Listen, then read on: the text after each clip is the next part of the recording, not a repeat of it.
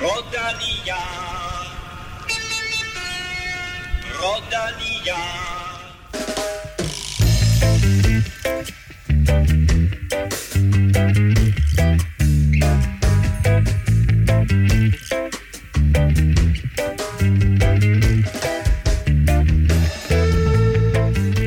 Dansker på podiet i Tour de France, det virker meget sandsynligt lige nu. Kun en enkelt start står mellem Jonas Vingegaard og den fornemme skammel i Paris. Det har også været en af de mest barske udgaver af verdens største cykelløb. Faktisk er flere ryttere udgået i år end i de seneste 20 løb. Og dermed velkommen til mine to faste DNF'er, Kim Plesner og Stefan Thurhus. Og jeg kan jo også byde velkommen til øh, to drenge, tre, inklusive mig selv, der befinder sig ude i det danske sommerland. Kim, øh, hvor er du henne? Lyngby. Skulle du ikke være på cykelferie? Jo, det er først i morgen. Nå, okay. Men Stefan, til gengæld, så har vi jo faktisk et øh, videokald i gang her, og jeg kan jo se dig. Jeg har faktisk aldrig set dig sådan her før, men jeg kan jo se en, en ung, lækker Stefan Djurhus i bare overkrop. Det har du ikke set før noget? Nej, heldigvis. Nå. Nej, men jeg er jo også øh, i, i sommerhus op ved, ved Kjeldstrup Strand, hvor at jeg rekognoserer jo øh, i forhold til Tour de France, øh, der kommer forbi hernede næste år. Nå ja, og, og det gør du fra en liggestol? Ja, det gør jeg lige i dag fra en liggestol. Perfekt. Jeg er selv i lykken, og øh, her er 30 grader plus, så det er fuldstændig vanvittigt. Men øh, ikke lige så vanvittigt som det, der foregår i øjeblikket i Tour de France, hvor Jonas Vingegaard han er på vej til at køre sig på podiet. 18. etape er i gang, as we speak, og den får du afgørelsen på lidt senere i udsendelsen. Vi skal også omkring de seneste nyheder, som blandt andet inkluderer en ny dansker på World Touren. Hvis du vil være sikker på aldrig at gå glip af et afsnit, så husk at abonnere på Velropa Podcast. Det kan du gøre på Apple Podcast, SoundCloud, Spotify eller hvor du nu lytter normalt. På den måde der får du automatisk en notifikation hver gang vi udgiver en ny episode. Tak til alle, der støtter via det tier.dk. Vi trækker lod lidt senere om den næste store Velocio præmiepakke, og naturligvis også om en Velropa Cup. Mit navn er Claus Elming, og du lytter til Velropa Podcast, præsenteret i samarbejde med Hello Fresh og Otze fra Danske Spil. Velropa Podcast præsenteres i samarbejde med Odset fra Danske Licensspil. Husk, at man skal være minimum 18 år og spille med omtanke. Har du brug for hjælp til spilafhængighed, så kontakt Spillemyndighedens hjælpelinje Stop Spillet eller udluk dig via Rufus. Vi skal naturligvis tale meget mere Jonas Vingegaard, vi skal tale mulige podier, og så skal vi også runde den næste dansker på World Touren, fordi som vi kunne fortælle for et par uger siden, så skal unge Asbjørn Hellemose til Trek Sikker Fredo. Stefan, sæt lige på ord på ham.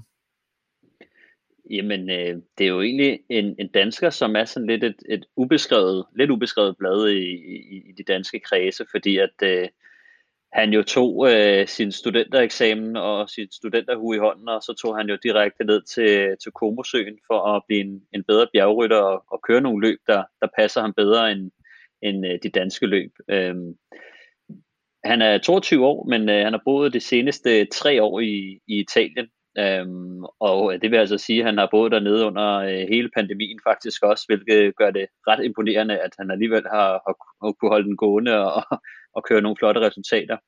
Men han har kørt øh, for øh, et, et svejsisk hold, der hedder VC Mendrisio, som jo ligger lige ned omkring øh, Komosøen også og, og Italien, men, øh, men er egentlig et, et svejsisk hold.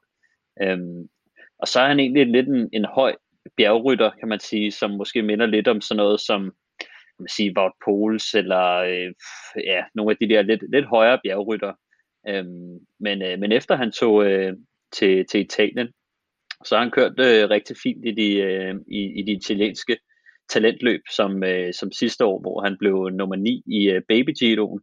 Øhm, og det var trods, han havde en, øh, en minifraktur i, i skulderen faktisk fra et styrt, han pådrog sig kort før løbet øh, og at han fik en, øh, en knæskade i, i et styrt undervejs i løbet, men, øh, men løbet blev vundet af, af Tom. Ja, ja, ja, men det er bare for at sige, at, øh, at, at det var en, en, en flot 9. plads, som, som ikke var øh, uden problemer undervejs, øh, og, og selve det løb, det blev vundet af Tom Pitcock, som, som vi jo efterhånden øh, godt kender nu. Øhm, og, øh, og senere, øh, senere efter det, så, øh, så blev han også nummer 5 i øh, U23 Lombardiet rundt, som, som også blev vundet af Harry Sweeney, som vi ser i Tour de France lige i øjeblikket, men, I år har han så øh, oppet sit niveau lidt, og, øh, og han blev femmer i øh, Baby Giroen øh, i år, som også blev vundet af ham her, øh, fænomenet Juan Ayuso, som, øh, som skal til UAE og, og være den næste Pogacar nu. Men, øh, men hans femteplads i Baby Giroen, det, øh, det gjorde så, at Trek Segafredo, de, øh, de har fået øjnene op for ham. Øh, og det er jo det, at de store øh, World Tour hold, de, de kigger ofte mod de her talentløb for at finde øh, de næste store rytter. Så, så, så nu kommer Asbjørn Helmos ind på, på Trek og, og skal bruge et par år sikkert, øh, har han også selv sagt, skal nok bruge et par år på at, øh, på at finde rytmen og, og køre sig ind i, i verdenseliten. Nå, altså hvis øh, han får lov til at have samme tilgang til sin karriere der hos Trek, som øh, Jonas Vingegaard har haft hos Jumbo, så, så er alt jo godt. I første omgang, så bliver han øh, det, der hedder øh, Stasiera. Øh, hvordan udtaler man det, Kim, sådan helt? Sta, sta, sta, på italiensk, Stasiara. Stasiara. Stasiara. Stasiara. Stas, bare uden i? Stasiara. Okay, stagiaire. Jeg tror, man siger stagiaire på dansk. Ikke? Øh, hvad, hvad ligger der helt præcist i det? Det er jo sådan en slags øh, praktikantordning, som øh, cykelholden har. At, øh, at der kommer nogle unge rytter ind fra, fra 1. august, og så får de lov at køre de sidste måneder af sæsonen for, øh, for, for de store hold, og, og hvis alt går vel, så får de så en toårig øh, Neo, Neopro, ny professionel kontrakt derefter. Og det var præcis samme måde for eksempel, at øh, Mathias Gjelmos også kom ind på, på trackholdet. Og i seneste episode af Velropa Podcast, der havde vi jo netop besøg af Mathias Gjelmose, altså øh, Asbjørn Hellemoses kommende holdkammerat der hos Trek Segafredo. Du kan høre, øh, hvad Mathias han sagde øh, om sine store ambitioner for karrieren. Øh, der bliver altså ikke lagt fingre imellem, og øh, det er den seneste episode af Velropa Podcast, hvis du vil høre, hvad, med, hvad øh, Mathias Gjelmosen havde at sige der. Og lad os bare håbe, at det går ham bedre i karrieren, end det gik ham i. Quizzen! Fordi vi skal naturligvis have en quiz på banen, også selvom vi hver især befinder os tre forskellige steder. Um, og vi skal have fat i Tourmalet. I øjeblikket er rytterne faktisk på vej op af Tourmalet. Vi kan sige det på den måde med, øh, med at der er faktisk allerede gode danske nyheder, nemlig at Uran er sat. Så uh, hvis Jonas Vingegaard han holder fast, så er der altså en, en podieplads i, i udsigt. Vi ved meget mere om det lidt senere. Uh, men lad os lige holde fast i Tourmalet, fordi uh, mm. det er jo et ikonisk bjerg, som alle franskmænd gerne vil først over. Det er, der er sådan et eller andet med det her bjerg, at de vil gerne have sig selv skrevet ind i historien. Øh, de seneste to franskmænd, der har været over, først over Tourmalet, det er, kan I huske dem? Det er Julian Alaphilippe. Thomas Vøgler. Det er faktisk, faktisk, øh, faktisk vores allesammens uh, Thibaut Pinot. Øhm, men det er, de, det er de to seneste franskmænd. Øhm, faktisk så er de syv seneste gange, at øh, løbet er blevet kørt, og, øh, og hvor Tourmalet har været med, øh, der øh, har det været en franskmand, der er kommet først over, med undtagelse af én gang. En tidligere vinder af den prikkede bjergtrøje er den eneste franskmand, der har kørt over Tourmalet i de seneste syv forsøg, som ikke var ja, franskmand. Og hvem er han? en, en franskmand, der ikke var franskmand? ja, ja, ja. Nej, jeg siger, at, at der er en gang ud af de sidste syv, var det ikke en franskmand, der kørte over. Så, og hvem er det? Og jeg, sagde, og jeg gav også et lille hint, nemlig at han er tidligere vinder af den prikkede bjergtrøje. Mm-hmm. Alright. Så kan I få flere hint. Syv, syv forsøg. Det er lige et stykke tid tilbage. Forsøg. Der, der, altså en gang af de sidste syv. Faktisk en gang af de sidste ja, ja. Man skal helt ærlig. Nå, men anyway, øhm, der er sådan lidt, der er noget med noget doping og sådan noget, som spiller ind der. Øhm, no. Men øh, de sidste syv står i hvert fald, der, de har en officiel vinder. Seks af dem det er franskmænd, og så er der lige en enkelt rytter, som ikke var franskmand, men som sagt altså har vundet den prikke bjergtrøje. Jeg, jeg håber, det giver mening. Har I forstået spørgsmålet? Ja. Yes. Sådan. Jamen, så har jeg kun én ting til jer to, og dig, der sidder og lytter med, uanset hvor du befinder dig hen i det danske sommerland, eller måske i udlandet. Lad nu være med at google.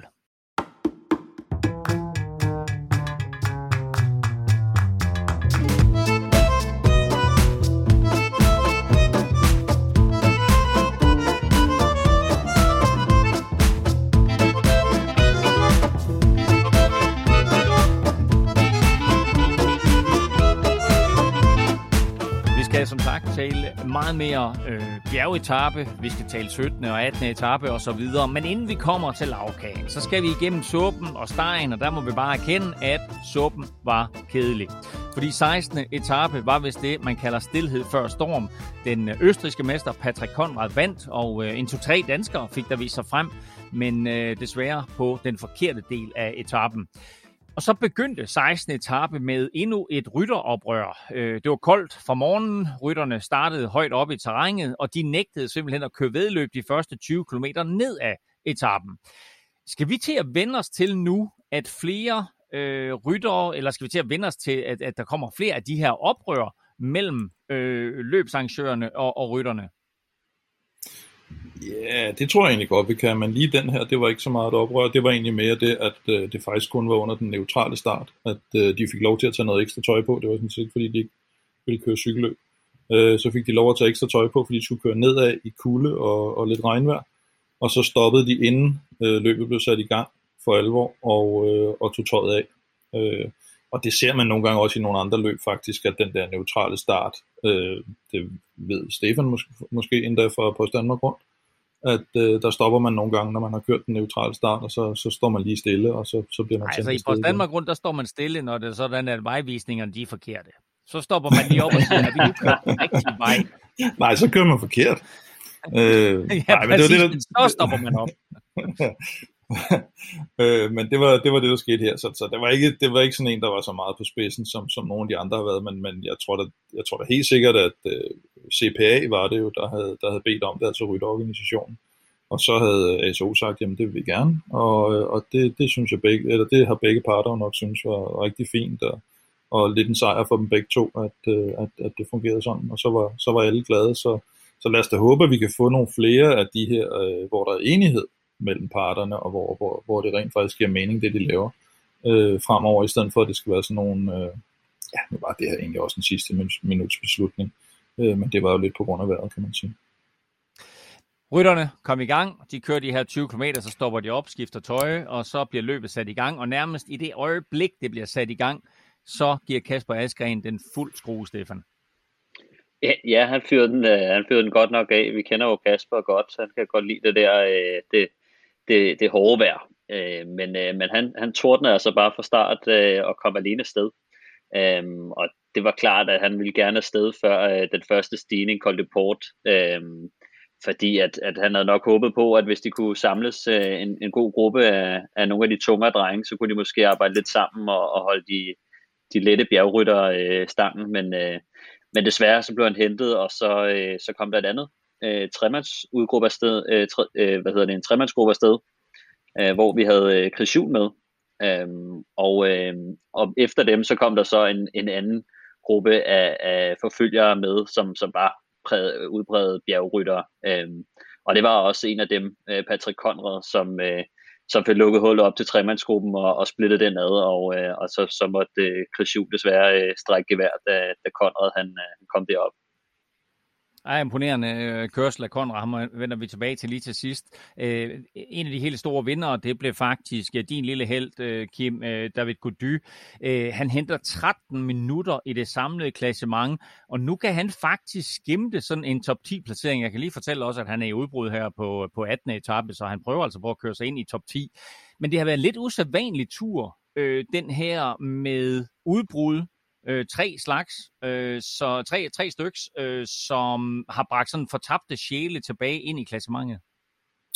Ja, man kan sige, at, at, at øh, med Guillaume Martin og øh, Ben O'Connor, som var de to andre, der var det mere, at de, de ligesom var rådet tilbage og, og, og, og så fik en, en ny billet, hvor, hvor Gody jo egentlig var med fremme i klassementet.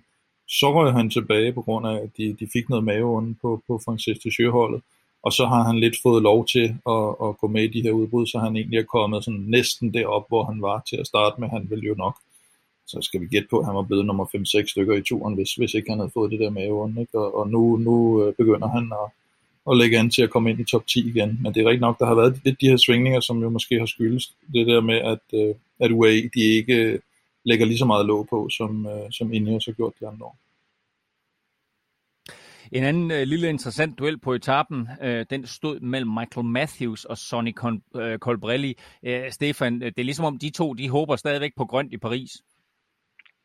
Ja, det, øh, det tyder det altså på, men øh, vi, vi ved jo, at jeg tror også, øh, de har tænkt over, at, at Cavendish, han, øh, han har historisk set haft svært ved at, øh, ved at komme over de, de, de høje tinder, så, øh, så de har jo ligget og, og snuppet mange af de her indlagte pointspurter og været i udbrud, øh, som vi kender det fra, fra Sagan.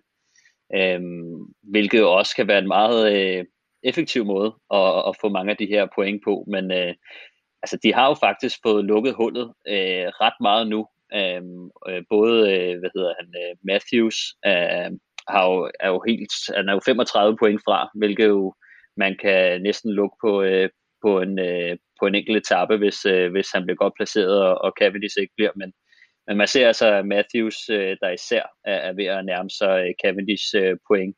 Øhm, så øh, så en, en, en fejlslag, en spurt for Cavendish, eller, øh, eller en hård etape, hvor han, øh, han udgår, så, øh, så kunne Matthews faktisk godt øh, stjæle den fra ham. Og så til øh, dagens vinder, som jo øh, blev Patrick Conrad der på 16. etape. Han får faktisk sin første sejr i World Tour sammenhæng nogensinde uden for Østrig. Han har to østrigske mesterskaber. Udover det, så har han vundet 0 og niks. Her, der gør han det på den største scene og på den smukkeste måde. Ja, han har, han har, han har kørt godt igennem, øh, igennem hele Tour de France. Han bliver toer på er det den Mollema vinder øh, etappen, og øh, det var som om han havde lagt lidt i kakkeloven til, til, til, en, til en sejr. Og, øh, og så er det jo bemærkelsesværdigt, synes jeg, at, øh, at Bora de får deres to sejre til, til Konrad og Niels Polly, efter at Peter Sagan er gået ud. Øh, det, det, det har vi været lidt inde på, øh, Sagans betydning efterhånden, både i Tour de France sammenhæng og også for, for hans hold, som han nu er på vej væk fra. Og jeg synes faktisk, vi har set det i nogle andre etabeløb, hvor der har været lagt op til, at Sagan han skulle være øh, det, det, det, det helt store omdrejningspunkt, at øh, holdet har prøvet at køre for ham, det ikke rigtig lykkedes. Og når andre så har fået muligheden, så har de faktisk slået til, og det gjorde Patrick Conrad her. Stefan, øh, du var lidt inde på det. Øh, han gør det så nærmest i tre tempi, øh, Conrad. Først så kører han op til udbruddet, så splitter han udbruddet, og så øh, kører han alene der øh, de sidste 40 km. Endnu et af de her øh, lange, øh, flotte solo-udbrud, øh, øh, som vi har set det med øh, Mollema gjorde det, og øh, Wout van Aert gjorde det, og øh, der var vel nærmest Mohoric. også... Øh, Mohoric gjorde det, ikke? Altså, og det er, Tøns, og det har, jamen, der har været... Det er næsten været kendetegnet ved den her tur. Ja, jeg tror, der har været ni øh, indtil videre. Øh, og, altså, nu tæller man jo ikke øh, dem der, hvor de kommer, kommer i mål, to-tre mand, øh, lige efter hinanden tæller man jo ikke som solosejr, men der har været ni sådan reelt solosejre, det, det er ret meget, vil jeg sige. Ja, det synes jeg. Jeg synes heller aldrig, jeg har, jeg, har, jeg har set så mange, men det her, det var i hvert fald en meget, meget stor og meget, meget flot sejr af, af Patrick Conrad. Nu har vi Taske Langhalm nok på den der 16. etape, som ikke betød ret meget for det samlede klassement. Nu skal vi tale bjerge, vi skal tale en Jonas med vinger, men først, der skal vi lige huske at proviantere.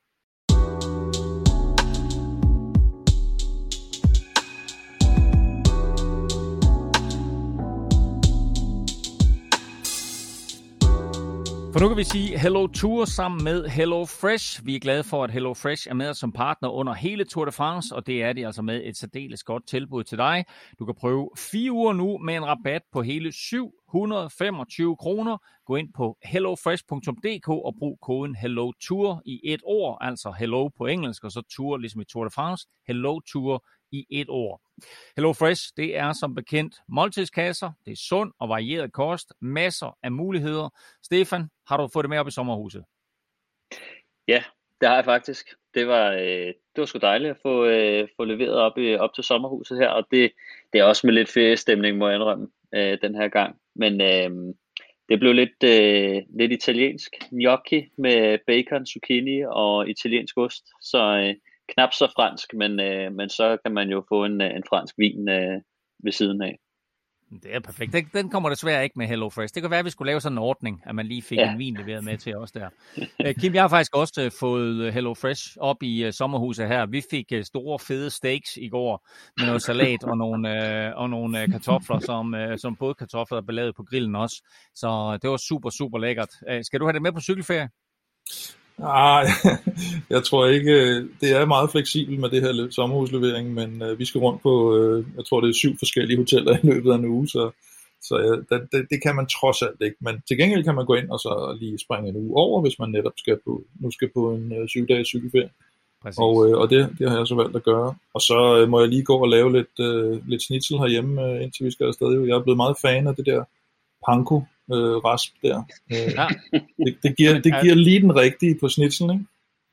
Jo, jo, og der, der vil jeg sige, altså du ved, øh, de fleste danskere man siger. kender almindelig ret, men altså har man ikke, øh, har, har man ikke øh, stiftet bekendtskab med panko, uh, så, så gør man ja. det via Hello Fresh. Det er en uh, skattet uh, ingrediens i, i mange af, de, af deres retter, og det er helt, helt fantastisk. Der er 15 retter at vælge mellem hver uge, så er der nogle af de der retter, du ikke lige bryder om, så er det nemt at øh, vælge en anden, og øh, du kan altså få dem sendt lige nøjagtigt derhen, hvor du vil. Som sagt, så har jeg altså fået det sendt op i sommerhuset. Æh, super lækkert, super nemt. Prøv Hello Fresh nu, brug koden Hello Tour uden mellemrum, så får du altså hele 725 kroner i rabat den første måned. Æh, du kan faktisk godt finde det her tilbud andre steder, men bruger du koden Hello Tour, så støtter du Velropa Podcast. Og så husk, at du må altså meget, meget gerne dele koden med venner og bekendte. Gå ind på hellofresh.dk og brug koden HelloTour. Husk et ord, Hello Tour. Og apropos mad, så kom rytterne i onsdag forbi det berømte pandekagehus på toppen af Per Surts, men øh, det var faktisk først på den sidste stigning, at den store udskilning skete. 17. etape sluttede på den øh, asfalterede gedesti op mod Col de Porté, og afgørelsen, øh, eller da afgørelsen faldt, så var der kun tre bjerggeder tilbage. Det var Tadej Pogacar, det var Richard Carapaz, og ja, danske Jonas Vingegaard sad der også. Desværre så havde Pogacar jo altså virkelig gode ben, og han tillod Kim ikke Vingegaard at gå i offensiven. Nej, det, der var simpelthen for mange angreb fra, fra Pogacar selv, der, der formentlig har gjort, uh, gjort Jonas uh, lidt mør. Så vi fik ikke set det her, det her Ventura-angreb igen, som, som nogen måske havde set frem til.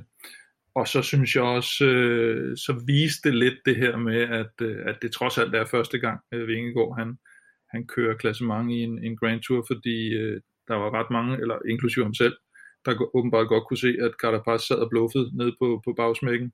Og, og der kunne han jo godt egentlig have lagt sig ned bag ham og sagt, hør her, Marker, øh, det at Uran er rådet lidt bagefter, det er faktisk øh, dig, der har allermest fordel ud af det, så, så det hjælper ikke, at du, øh, du bare hænger hernede, mens Pogacar og jeg, vi tager alt slæbet op mod mål. Og det så man jo også komme til at give bagslag, da, da Carapaz næsten var ved at få sat øh, Vingegaard med en kilometer igen. Så, heldigvis så kommer han op igen og alt det her, men, øh, men og, og, og så har han lige fået, fået en sådan en lille ørefine, eller hvad skal man sige, og lært af sine erfaringer. Så, så mere skete der ikke ved det heldigvis. Nej, men det var, det var jo trods alt et bluff, som øh, Rolf Sørensen jo også kaldte i øh, TV2's udsendelse på direkte tv. Dennis Ritter og Chris Anker, da de sagde, nej, han hænger i bremsen, og tungen er helt ud af halsen. Og Rolf, han, øh, han kender jo spillet bedre end nogen anden, så han var godt klar over, at det var bluff, det der Carapaz, han kørte. Øh, og så afslørede han jo sit bluff der til sidst, øh, Stefan, hvor han virkelig, virkelig giver den gas. Carapaz kommer med sit angreb med, hvad var der, lidt over en kilometer. De kommer til den der tunnel der med den lille halvanden kilometer igen. Øh, men jeg synes, at det fede her, det var, at vi igen så, at Vingegaard havde is i blodet og kører meget mere rutineret, end man skulle forestille sig, at han var øh, i stand til på det her tidspunkt af sin karriere.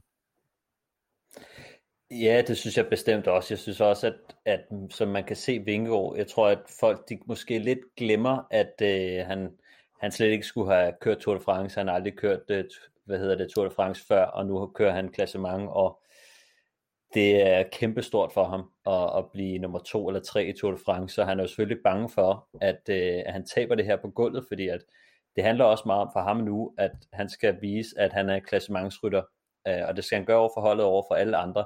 Så hvis han lige pludselig gik ned på øh, anden sidste bjergetap og, og sejlede ud af, af top 5, så, øh, så er der måske ikke så mange, der vil satse på ham alligevel. Øh, så, så for ham tror jeg, det er meget vigtigt at vise, at han kan være med til den, til den bedre ende også, og den måde Carapaz han, han kørte på, og at man så, at Jonas snakkede med Pogacar undervejs, hvor de faktisk snakkede om det her, hvor Jonas kører op til Pogacar og siger, jeg tror Carapaz han bluffer.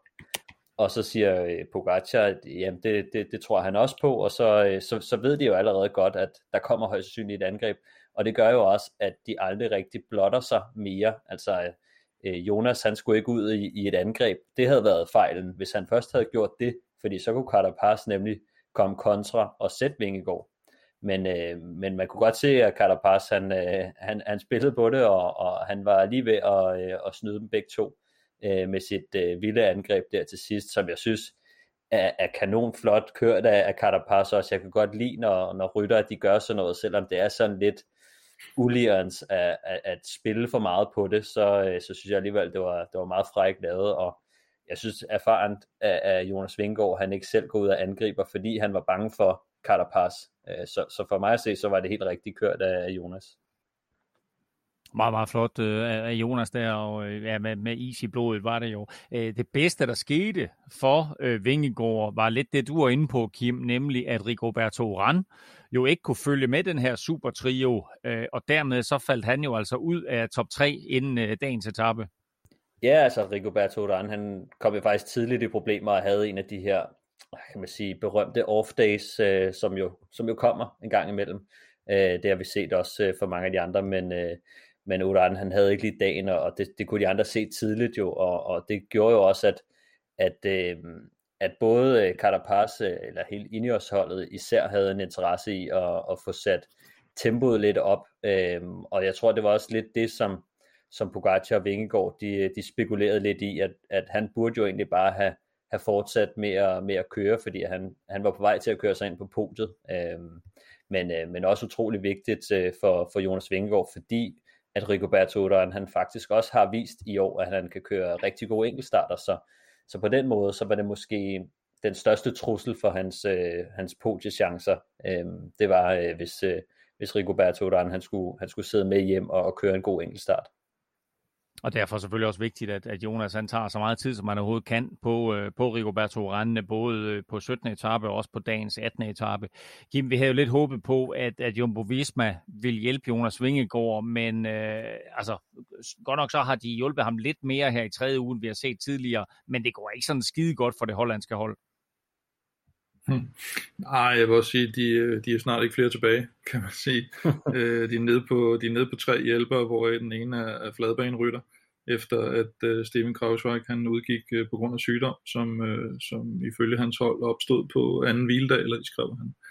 Han begyndte at føle sig lidt sløj på anden hviledag, og, øh, og så er det bare blevet dårligere siden. Så, så han havde, øh, på den her etape havde han Wout van Aert ind til den sidste stigning, øh, og har også øh, siddet lidt foran ham på nogle nedkørsler og så Sepp Kuster slog ud med en 8-9 km som mål, øh, hvor han ikke rigtig havde fået, fået lavet et stykke arbejde endnu, de sad og talte lidt sammen.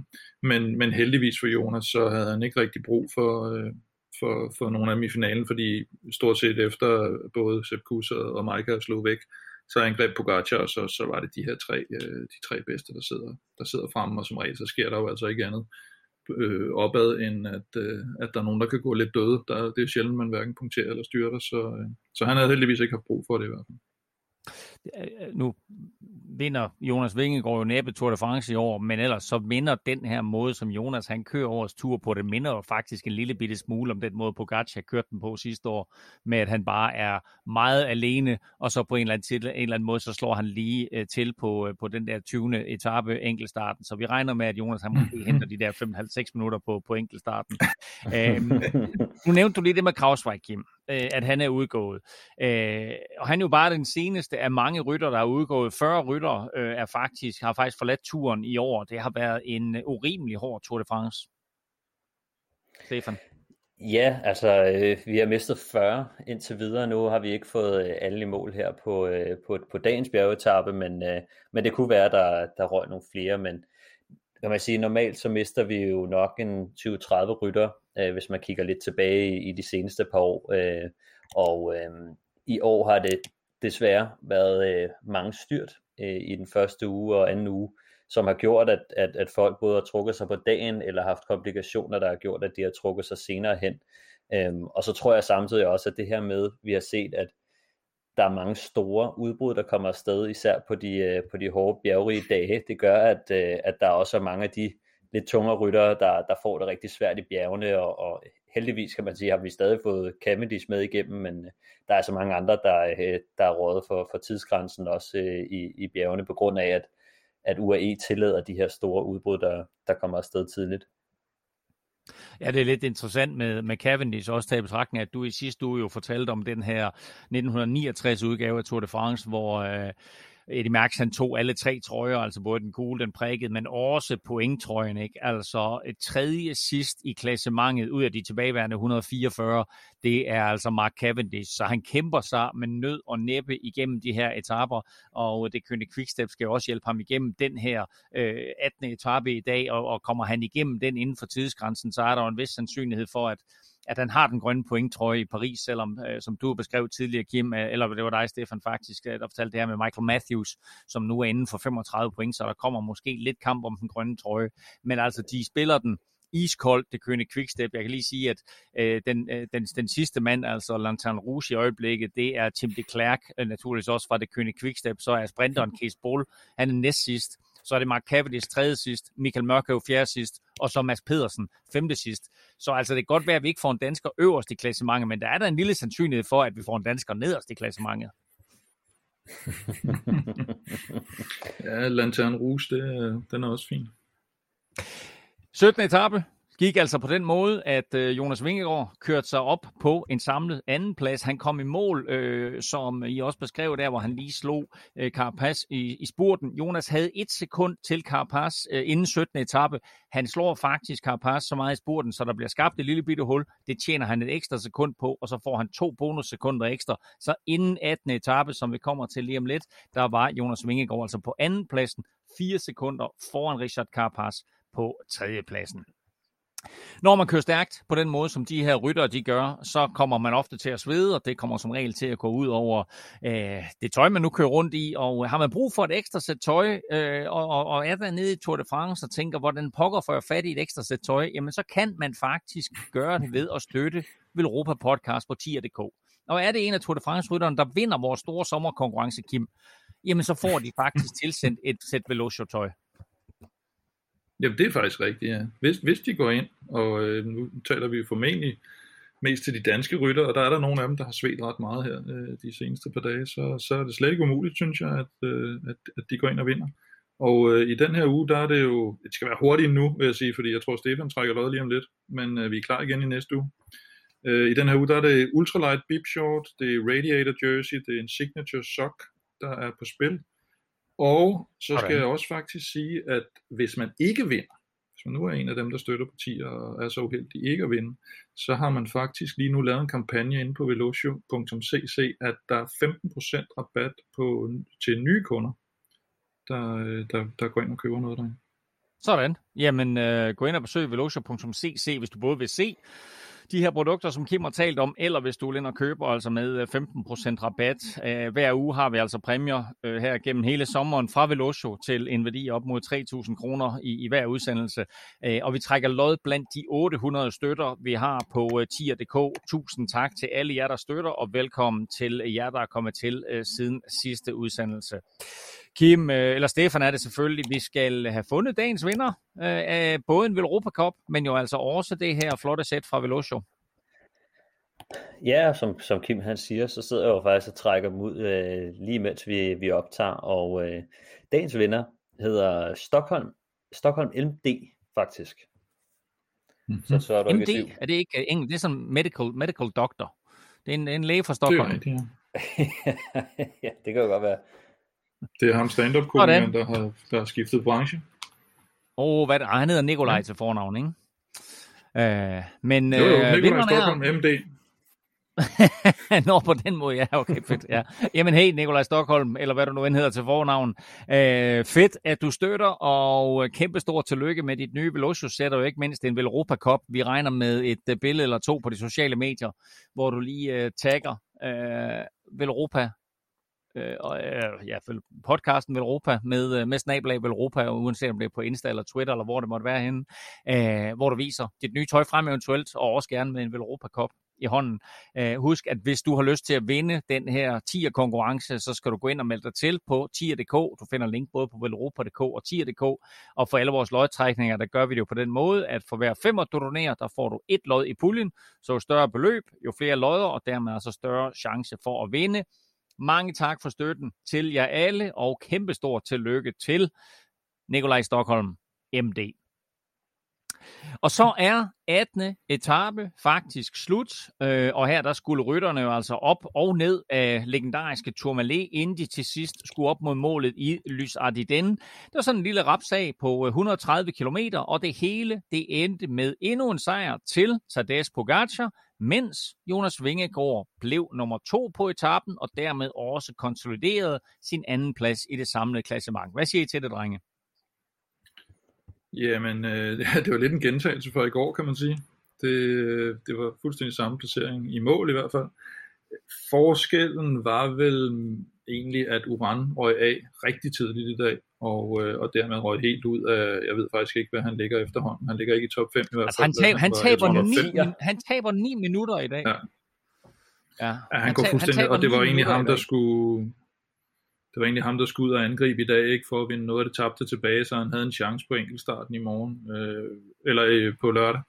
Øh, og det, det, det stod jo klart tidligere, og derfor så bliver den måske lidt låst blandt de tre forreste, som, som godt ved, at nu er podiet hjemme for dem, og, øh, og der er ikke sådan, der er nok ikke nogen, der rigtig har overskud andet end Pogacar til sidst, og der er ikke rigtig nogen, der har lyst til egentlig at, at, at gå ud og, og, og satse noget for at, for at ændre i det, fordi det, de kan ikke rigtig vinde noget. Der, der er for lidt at vinde og for meget at tabe. Jeg tror også, at yeah. som man ser UAE, der faktisk, øh, når de går ind på, på bjerget, så det går faktisk frem og truer med, med angrebet, som at sætte øh, Rafael Maika frem og lige sætte hårdt tempo, og så skyde Pogacar afsted. Og på den måde, så har de også godt allerede vist, at jamen, Pogacar han er, han er klar, øh, og øh, mm. når det går ondt i benene på, på Jonas og, og, og Carapaz, så øh, altså, de bliver budt op til dans, og, og hvis de kan mærke fra start af, at det her, det, det ser altså svært ud, hvis, øh, hvis Pogacar han er i, i hopla igen i dag, øh, så øh, så begynder de jo at sidde og tænke på, øh, på andenpladsen. Øhm, og det er klart, jeg synes, det er i hvert fald klart for, for Jonas Vingegaard, som, som jeg sagde før, altså det er jo et kæmpe stort resultat for ham, og, og det kommer til at betyde rigtig meget for hans karriere fremadrettet, at han bevarer sin, sin podieplads og, og, og sin andenplads nu. Øhm, Carapaz sidder måske lidt og tænker, også på andenpladsen, han, han vil gerne af med, med Jonas Vingegaard, men, men havde måske ikke lige øh, det, der skulle til. Men, øh, men jeg synes bare, at den måde, som UAE de angriber det på, de viser bare fra start af, at, at der er ikke noget at komme efter. Jeg tror egentlig, at det, fordi... det, er så en... Ja. Jeg kom bare, Kim. Ja. ja, men jeg tror egentlig, fordi nu uh, Sepp Kuss var jo faktisk med uh, til rigtig, rigtig langt op ad bjerget. Henrik Mars sad også lidt på. Men Sepp Kuss går egentlig frem og sætter noget tempo, så jeg tror egentlig, Jonas kørte efter etappesejren, hvis, hvis han kunne, men, men igen til sidst, der var, altså, der var ikke nogen chance for hverken ham eller Carapaz skulle komme med der, men, men, men, men det er klart, når de, når de var så sikre på podiet der, så kunne de selvfølgelig godt lige på de 10 km køre efter etappesejren, og det tror jeg egentlig var den taktik, de havde lagt. Så kunne det ikke lade sig gøre, og så er det fint, at han napper lige et par bonussekunder mere, han har andenpladsen mere eller mindre sikker med den enkelte start, han har på lørdag. Så, så det, det er super fint øh, for Jonas også. Men altså, jeg, jeg kigger på det her øh, angreb, som Pogacar kommer med, og selvfølgelig er, er det voldsomt, at det kommer af, af, af flere ombæringer, og han sætter øh, Vingegaard og Carapaz, men det er ligesom om, at Jonas igen, ligesom han gjorde på 17. etape, spiller det her iskoldt, øh, bliver liggende i hjulet på Carapaz, og meget sjovt også at se den forskel, der var på etappen i går og den etappen i dag. At I går der var det ligesom om, at Vingegaard han havde hjulet på Pogacar, fordi han på en eller anden måde måske havde et håb om, at han kunne måske vinde turen samlet. I dag har han måske indset, hey, jeg kommer ikke til at vinde turen samlet, men her er der en anden plads på spil, så i stedet for at tage Pogacars hjul, så tager han Carapaz's hjul, og det er egentlig tilfældet hele vejen op af den sidste stigning, og især da de tre eller fire med, med Henrik Mars på hjul der, da de kommer til målstregen sammen, at øh, han ligger på hjulet af Carapaz, og da Pogacar han så kører, der bliver Jonas stadigvæk ved med at ligge på hjulet af Carapaz, og man kan sige, han kører vel mere her efter at sikre sig andenpladsen i Tour de France, end han gør efter at få en etappesejr på Lysard i den. Ja, man kan sige, at til sidst gør han jo, men, men jeg tror egentlig som sagt, at, at, at det de sætter ind med at se Puske sidde og, og, og lægge, lægge noget tempo på, at det, det var egentlig sådan, at hvis, hvis han havde haft kræfterne til det og benene til det, så, så ville han gerne have haft det etappesejren til sidst. Jeg tror også, jeg tror grunden til, at han lagde sig ned, for han kørte meget mere, hvad skal man sige, lidt mere med omtanke, og jeg brugte ikke så mange kræfter i dag, øh, og lagde sig netop ned bag ved Carapaz og sagde til ham, du må lukke det her. Og, og der spillede han den mere klogt, og der kan man sige, måske har han i virkeligheden allerede lært en lille smule, eller fået den der erfaring fra i går, hvor han godt tør at gå ind og sige, jamen altså, det er mig, der ligger nummer to her, du må lukke det her hul, det er dig, der har, der har, der har mest ud af at, at, at, at få det her, øh, og det kunne han også med rette have gjort i går, men, men der havde han måske lige øh, lidt meget øh, spirt i benene, og, og, og troede, han var måske lidt urørlig efter Vangtu, og så tog øh, Carapaz alligevel lidt røven på ham på den sidste kilometer i går, uden at det kom til at koste noget. Og så tænker han i dag, eller også har han fået at vide til i dag, den laver du altså ikke igen, fordi han skal ikke lige gå op og tage 30 sekunder på dig her på de, på, på, de sidste, på den sidste kilometer, fordi det vil næsten være ærgerligt i forhold til, at den er så, den er så sikker på, eller andenpladsen nu faktisk de, øh, de kommer, øh, de, til sidst ligger de fem mand derop, som du også lige siger, Kim. Øh, Sepp Kuss er med øh, langt hen ad vejen ind til Pogacar, han så angriber. Sepp Kuss ryger af. Henrik Mars kæmper heroisk for at følge med de tre forreste, kommer også selv med sit eget angreb.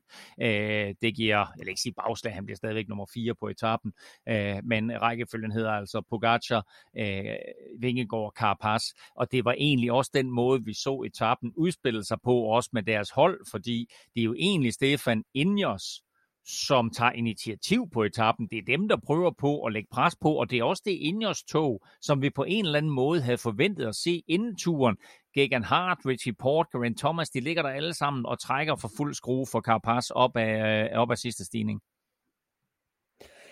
Ja, og selv de hjælperytter, øh, Geraint Thomas og, og de andre, øh, Kwiatkowski, de har også haft deres, øh, deres off days og, og deres knups undervejs, så de har også været lidt, øh, lidt nede, øh, i hvert fald langt stykke hen ad vejen, og de ved godt, at nu, øh, uanset om de angriber Pogacar eller Jonas Vingegaard, så skal de ud og skabe noget. Øh, og jeg tror, at den måde, som, som Jumbo Visma har, har grebet an på, har været, at de har, øh, de har ikke tænkt så meget på, på den samlede sejr. Det har vi jo kunne se også på den måde, de har satset på. De har bare sat Jonas Vingegaard på Pogacars hjul og gerne vil køre den her øh, sikkert hjem.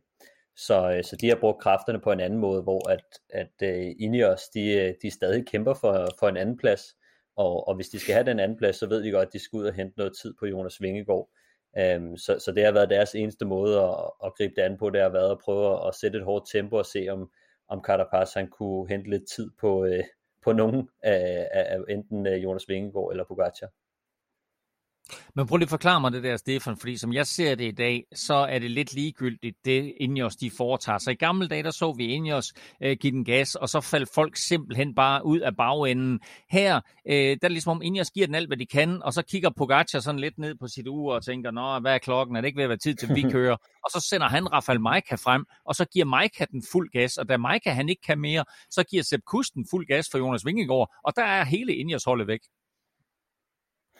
Ja, jamen der er også, det er klart, at det, det, det er ikke det samme, som, som dengang de havde øh, hele kavaleriet, øh, der kunne køre den helt til tops, men, men der er jo nogen, der skal sætte tempo på øh, ned i bunden af stigningen, eller et stykke op af stigningen i hvert fald, fordi at, at øh, man bliver nødt til at strække sådan en stigning ud og, og, og køre den hårdt hele vejen, hvis der skal være øh, tidsforskelle, der er større op mod toppen.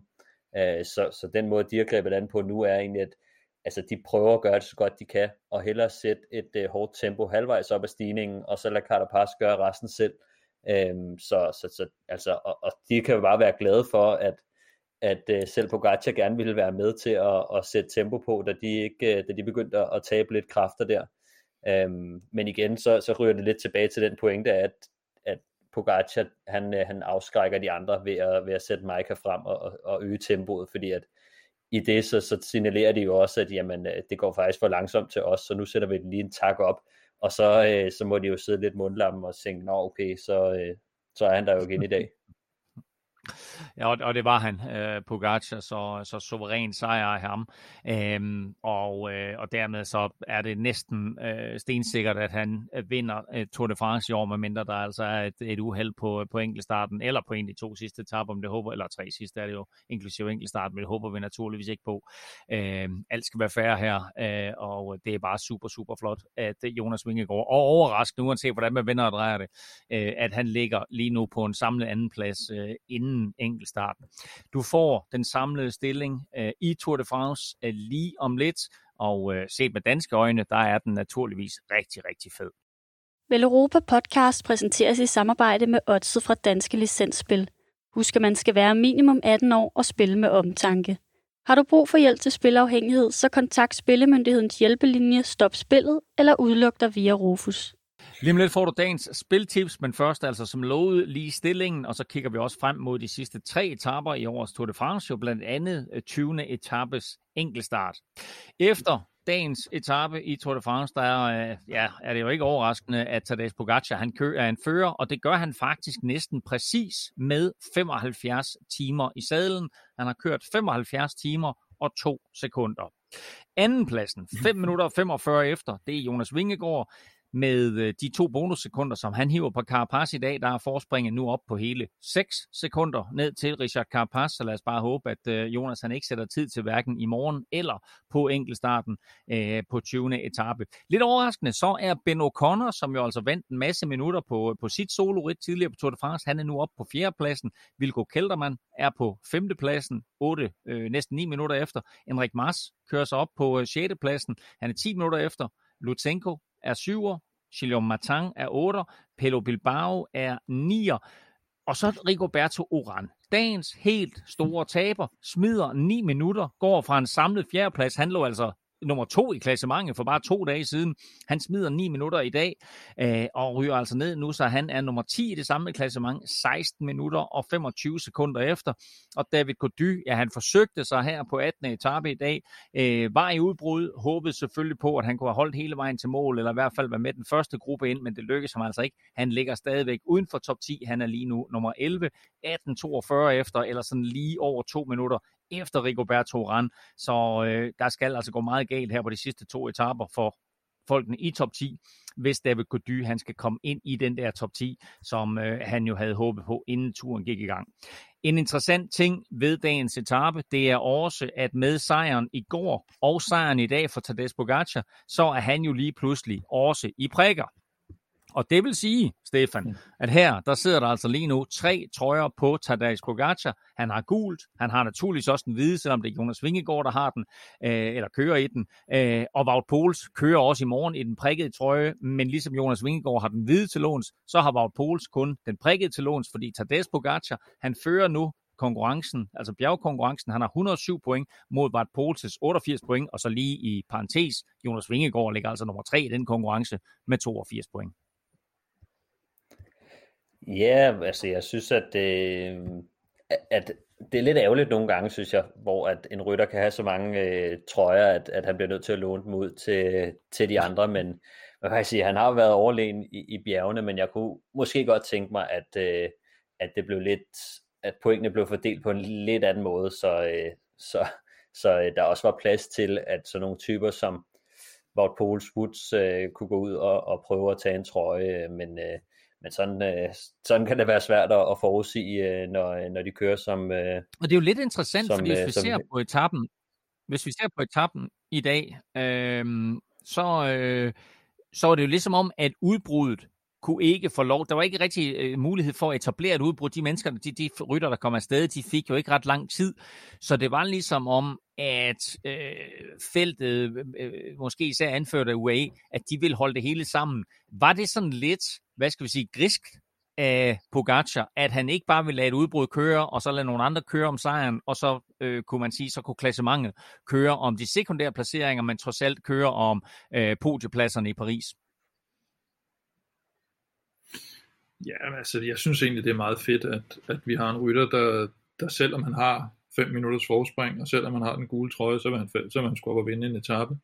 Jeg synes, det, det, jeg synes faktisk, det er lidt fesen, hvis man kan gå igennem øh, Øh, øh, nogle tursejre, uden at have vundet en etape, for eksempel.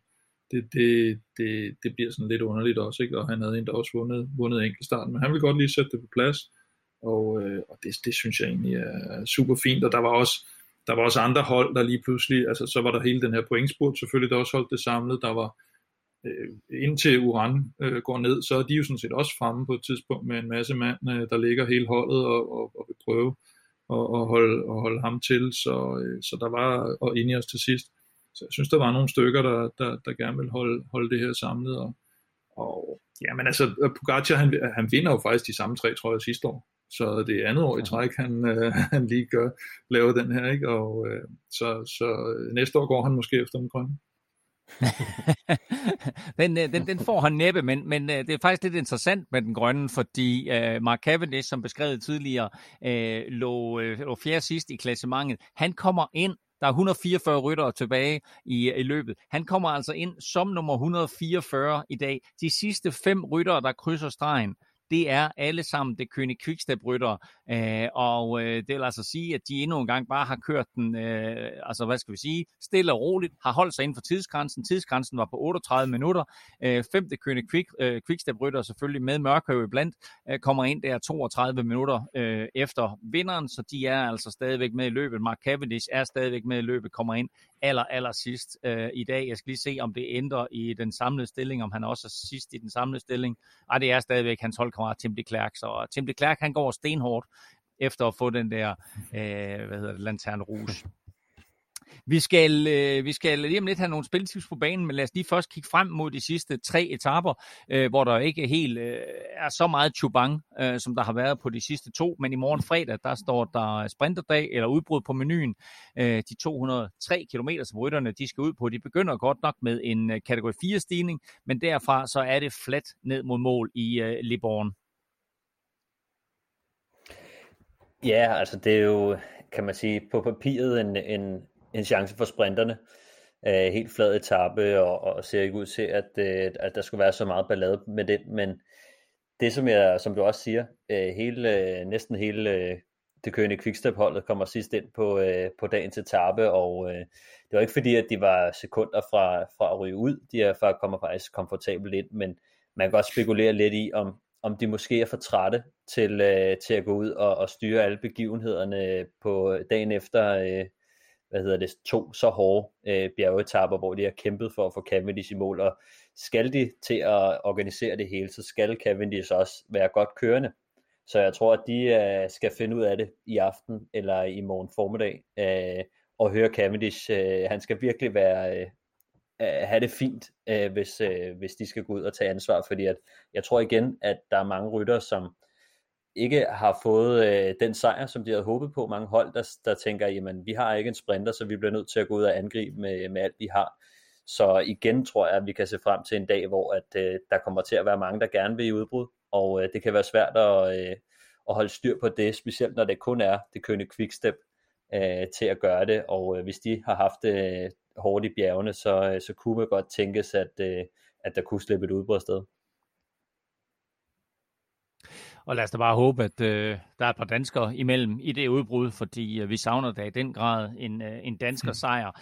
Den kommer måske i morgen. Det kan også være, at den kommer lørdag, fordi lørdag er der jo enkelt start 31 kilometer, hvor øh, vi kan sige, at flere danskere har en hovedrolle. Kasper Askren vil forsøge at vinde den. Det vil Jonas Vingegaard måske også, men ved mere vigtigt, så skal han jo altså holde fast i sin anden plads.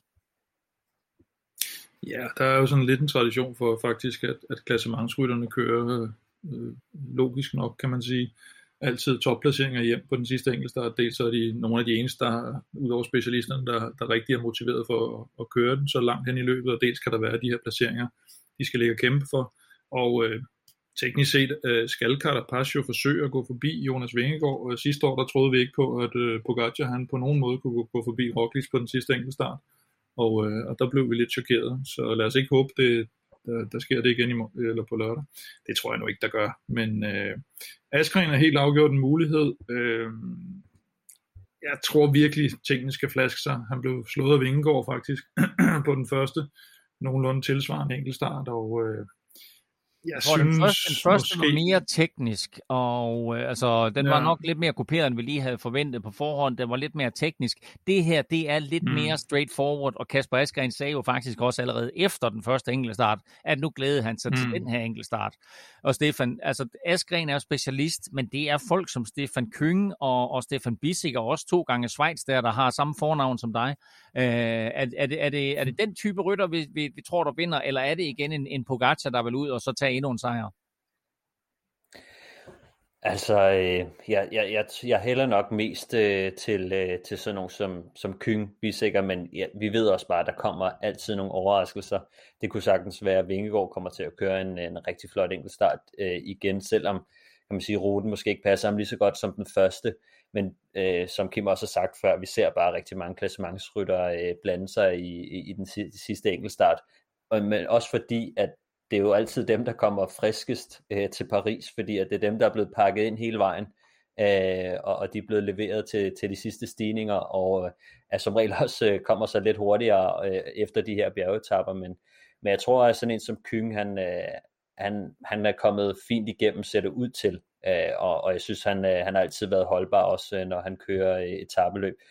Øh, Jokeren synes jeg er, er Stefan Bissikker, som vi ved har imponeret øh, ret vanvittigt, øh, synes jeg, på især de kortere enkeltstarter øh, eller ugelange etabeløb, men han kører sit første, sit første Grand Tour, øh, og jeg synes ikke, han har set overbevisende ud. Vi så øh, blandt andet øh, på 12. etap, hvor han var i udbrud den etap, som øh, Nils Pollitt han vinder. Der, øh, der bliver en, Stefan Bissiger faktisk sat øh, fra udbruddet øh, og kommer kun ind lige før øh, feltet. Øh, og det er sådan en af de ting, der for mig viser, at måske er poweren ved at slippe op øh, hos, øh, hos ham. Øh, men, men det får vi jo at se. Og faktisk så, så så man ham i dag på starten af etappen, hvor han blev sat allerede inden der blev dannet Gruppetto. Så mm. der er en, måske en risiko for, at der er et eller andet galt med ham, fordi det, var, det så ikke helt normalt ud i hvert fald, at han blev sat så tidligt. Og søndag, eller lad os sige lørdag, når enkeltstarten er slut, så er klassementet formodentlig sat, som det nu skal være. Øh, lad os ikke håbe, at, at der kommer ændringer i det søndag. Det skal jo være en paradekørsel. Det skal være øh, champagne og hygge hele vejen ind til Paris, fordi traditionen tro, så slutter øh, Tour de France jo der øh, op og ned af, af Champs-Élysées. Øh, etappen den er på blot 112 km, øh, og har vi ikke fået en dansk etapevinder på 19. etape, øh, eller på 20. etapes enkeltstart der, så er det her sidste chance. Ja, så skulle det jo i givet fald være Mads Pedersen, som jo blev to sidste år, eller en uh, Michael Mørkøv, der skal ind og, og, og blande sig lidt i spurten der, uh, selvom ah, det, det forventer jeg nok ikke rigtigt, men, men altså, Jamen, det er sige, meget der, fordi lad os, bare, lad os bare holde fast i den der, Stefan, fordi øh, jeg har fået den her vanvidstanke at øh, Cavendish har sine 34 sejre. Ikke? Altså, hvis nu han vinder 19. etape og er på 35, kunne man så forestille sig, at han pludselig går ind og kører for Mørkøv på Champs-Élysées. Der er ikke ret mange hurtige mennesker med tilbage i det her løb, øh, så det er måske de to hurtigste, Cavendish og Mørkøv der. Kunne man forestille sig, at, øh, at han lige betaler lidt tilbage til verdens bedste hjælperytter, eller verdens bedste lead outmand, og så siger, hey, nu får du sgu din, øh, din chance for at, at køre en sejr land på Champs-Élysées. Uh, øh, det er ikke noget, man kan planlægge sig til, vil jeg sige. Øhm, man ser det nogle få gange faktisk, øh, hvor at der kommer en eller anden vanvittig situation, hvor at der er nogen, der bliver sat, og så pludselig så sidder lead outmanden og, og sprinter kaptajnen og, og kigger hinanden i øjnene, og, og så bliver der nogle gange lavet sådan en hurtig beslutning.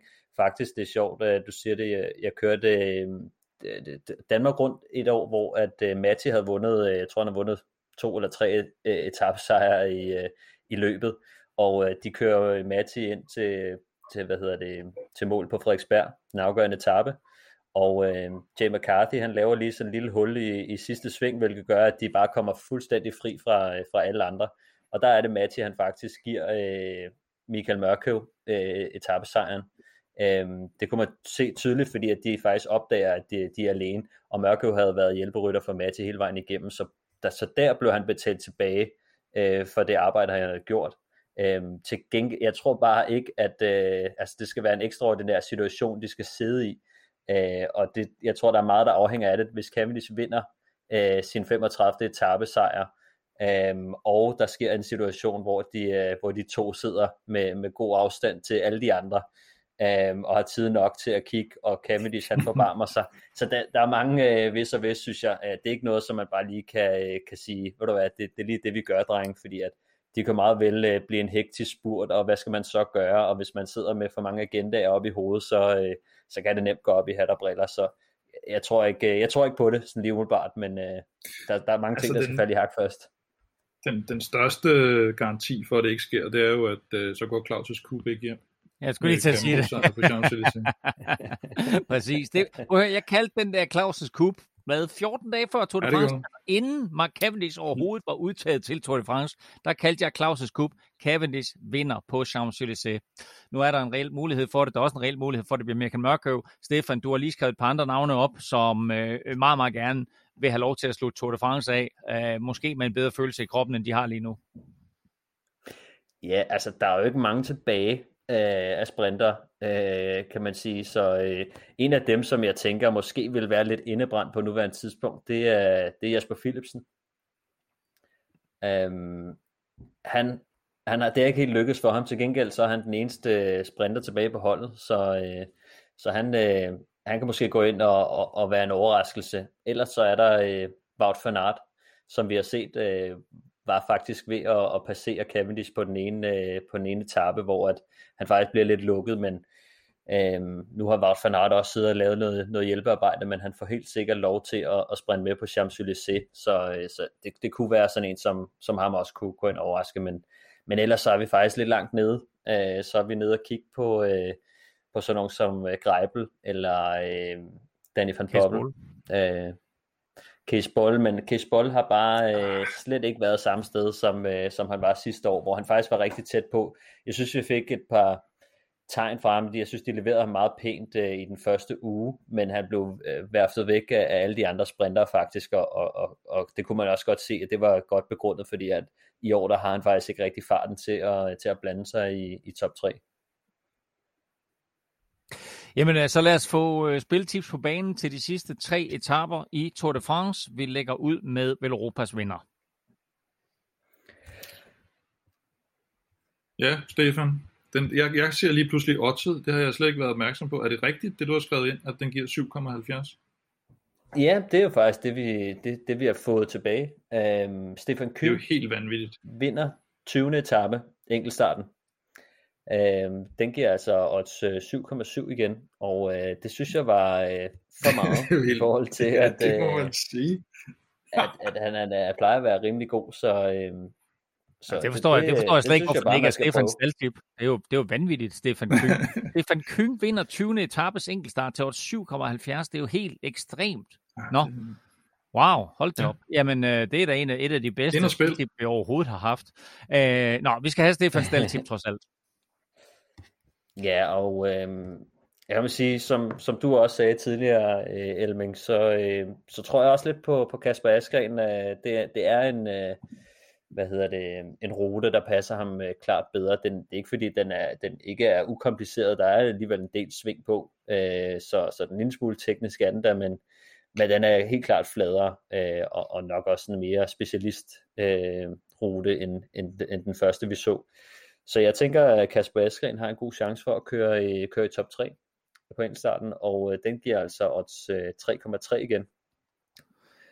Jamen, det var to gode bud. Begge to til øh, 20. etape, og så ved jeg, Kim, at øh, Plesners podie omhandler en dansker, og 21. etape, spurten på Champs-Élysées. Det er nemlig rigtigt, ja. Der, øh, der satser jeg lidt. Jeg synes, at øh, jeg synes faktisk, at Mads P. han har set bedre ud i løbet af, af de seneste par dage her, og øh, fra starten, der sagde han jo, at det var Champs-Élysées, han, han satte på, så jeg, jeg tror, og håber meget på, at han lige når at ramme noget topform, så, når de kører de sidste 250 meter på, på Champs-Élysées øh, Tour de France, og ender på podiet øh, til os 3,30. Sådan. Og, og det er ikke det samlede podium, mener der, vel? Det, det er bare på etappen, ikke også? Nej, det, det vil nok være lige rigeligt. Prøv at høre super fedt med, øh, med tre virkelig, virkelig gode øh, spiltip her. Altså vil Europas vinder, Stefan Kyng, vinder 20. etape, altså enkeltstarten der til odds 77 vanvidsodds. Kasper Askren i top 3 på samme etape til odds 330, og så altså Mads P. slutter Tour de France af på bedst mulig måde, nemlig med en podieplacering, altså en top 3 på Champs-Élysées, ligeledes til odds 3,3. Det var spiltip bragt i samarbejde med Odds fra Danske Spil. Vi skal lige kigge på de væsentligste nyheder i cykelverdenen, inden øh, vi kommer til øh, quizafslutningen, og vi bliver i øh, Tour de France, hvor Bahrain Victorious onsdag faktisk fik besøg af det franske dopingpoliti. Ja, de øh, gendarmerne har været inde og, og banke på døren og, og været inde og kigge, hvad de, øh, hvad de havde i gemmerne. øhm, og har konfiskeret nogle, øh, nogle træningsfiler, øh, træningsdagbøger og, og noget og lignende Øhm, og jeg tror, at det her det kommer lidt efter, øh, der har været noget, noget snak og dårlig stemning omkring Bahrain Victorious, øh, specielt efter øh, den måde Caruso han kørte øh, Giroen på, og han kørte en flot Giro d'Italia og blev, blev toer, som vi, som vi kan huske, Mark Padun lavede noget øh, lidt mere overraskende måske endda, og, og vandt to mm. etappesejre i, i Dauphiné, og øh, vi ved, at, øh, at dopingmyndighederne faktisk øh, også går ud og tjekker hold på baggrund af, af mistanke.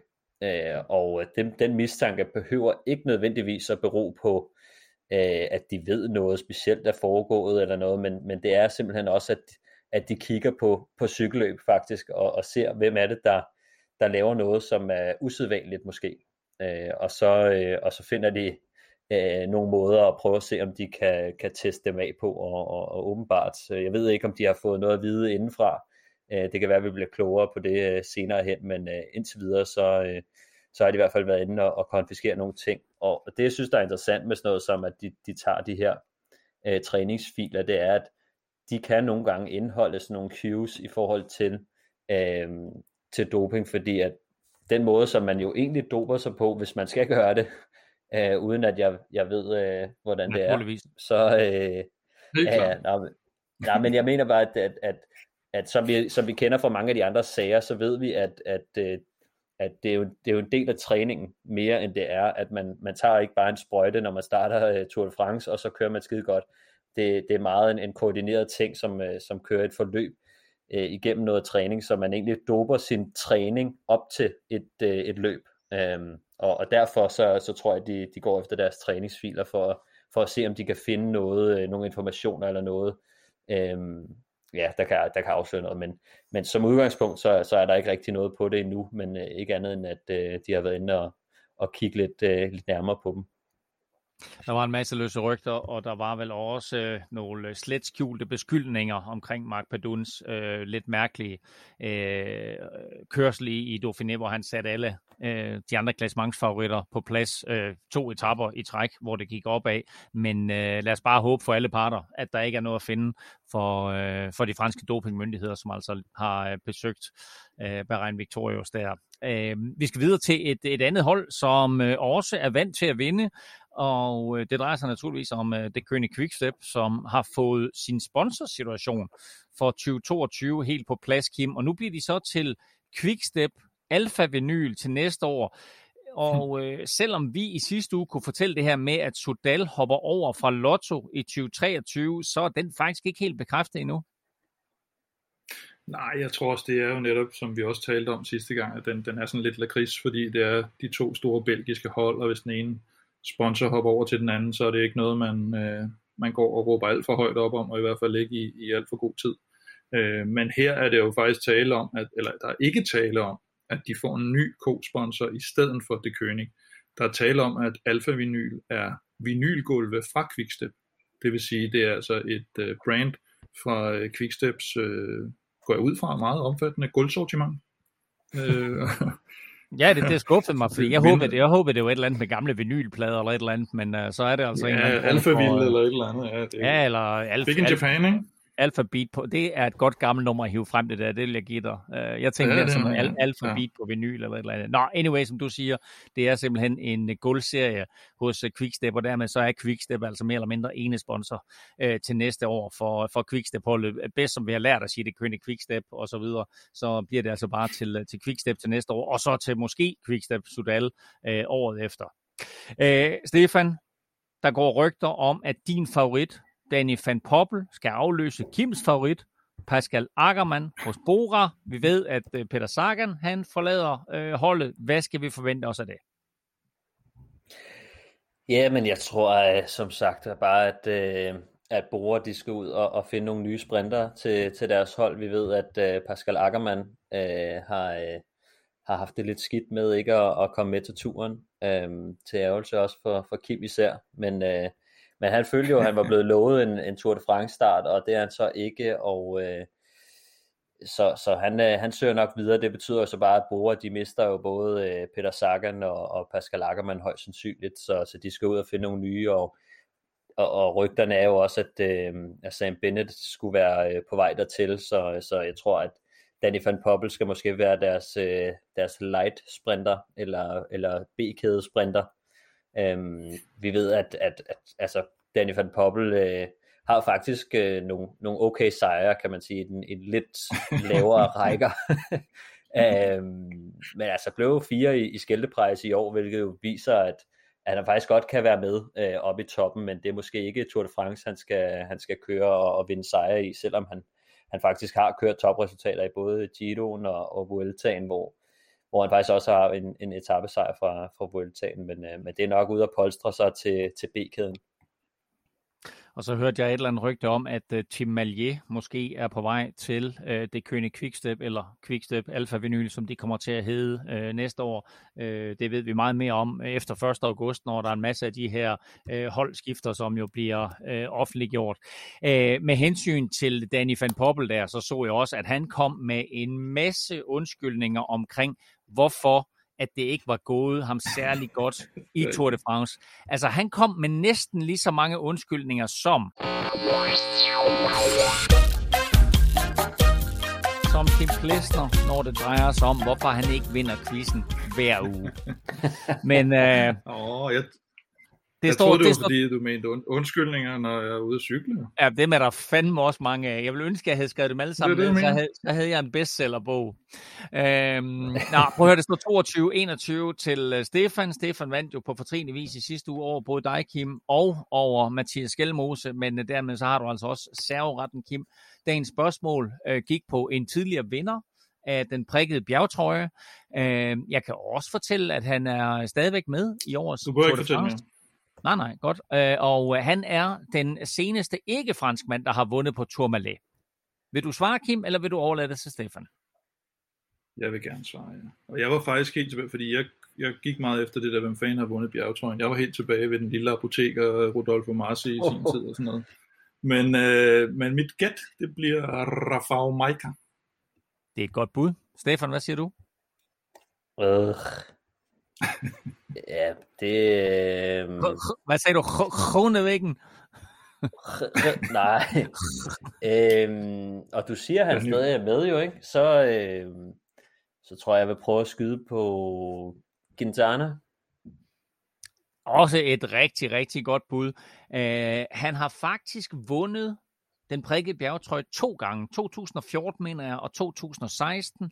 Og øh, det var også i 16, at han kom først over Tourmalet. Øh, jeg kan fortælle, at i 21 var det som sagt, eller i, 18, ja, i 21, hvem var det? Var det Gody dag i øvrigt? Det glemte vi helt at kigge efter. Var det ikke Gody, der var først over? Ja, øh, så, så det blev altså endnu en fransk mand, der var først over Tourmalet. Øh, så var det Julien Alaphilippe i 18, det var Thibaut Pinot i 16. Øh, og så i 2015, der var det faktisk, som du sagde, Kim, Rafael Maika. Øh, ellers så er det Bill Kadri, Thomas Vogler, Jeremy Ora, øh, Christophe Moreau, øh, Remy de Gregorio, som...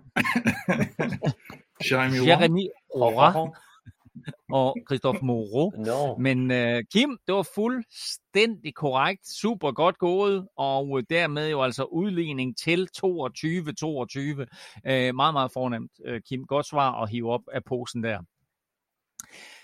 Vi er tilbage på søndag, når rytterne kører ind i Paris, øh, forhåbentlig, formodentlig vil jeg næsten øh, trække den op til, øh, med en dansker på podiet, og så måske, hvem ved, med en øh, dansk vinder på øh, Champs-Élysées også. Øh, vi krydser fingre for, at øh, Mads P. han trækker den der op, eller at Cavendish kører for Mørkøv. Du kan følge Velropa og Kim på Facebook, Twitter og Instagram. Det sker på Snablag Velropa. Stefan Snart 2000 finder du på Twitter på Snablag Stefan Djurhus. Undertegnet finder du på Twitter, Insta og Face på Snablag NFLming. Og øh, ellers så er der kun tilbage lige at sige tak for nu. Tak fordi du lyttede med. Øh, tak til dig, der sidder et eller andet sted derude i sommerlandet og lytter til Velropa podcast, ligesom vi her fra hver vores sted i Danmark har lavet øh, Velropa podcast. Jeg tror faktisk, det er første gang nogensinde, at vi har været vores, hver vores sted.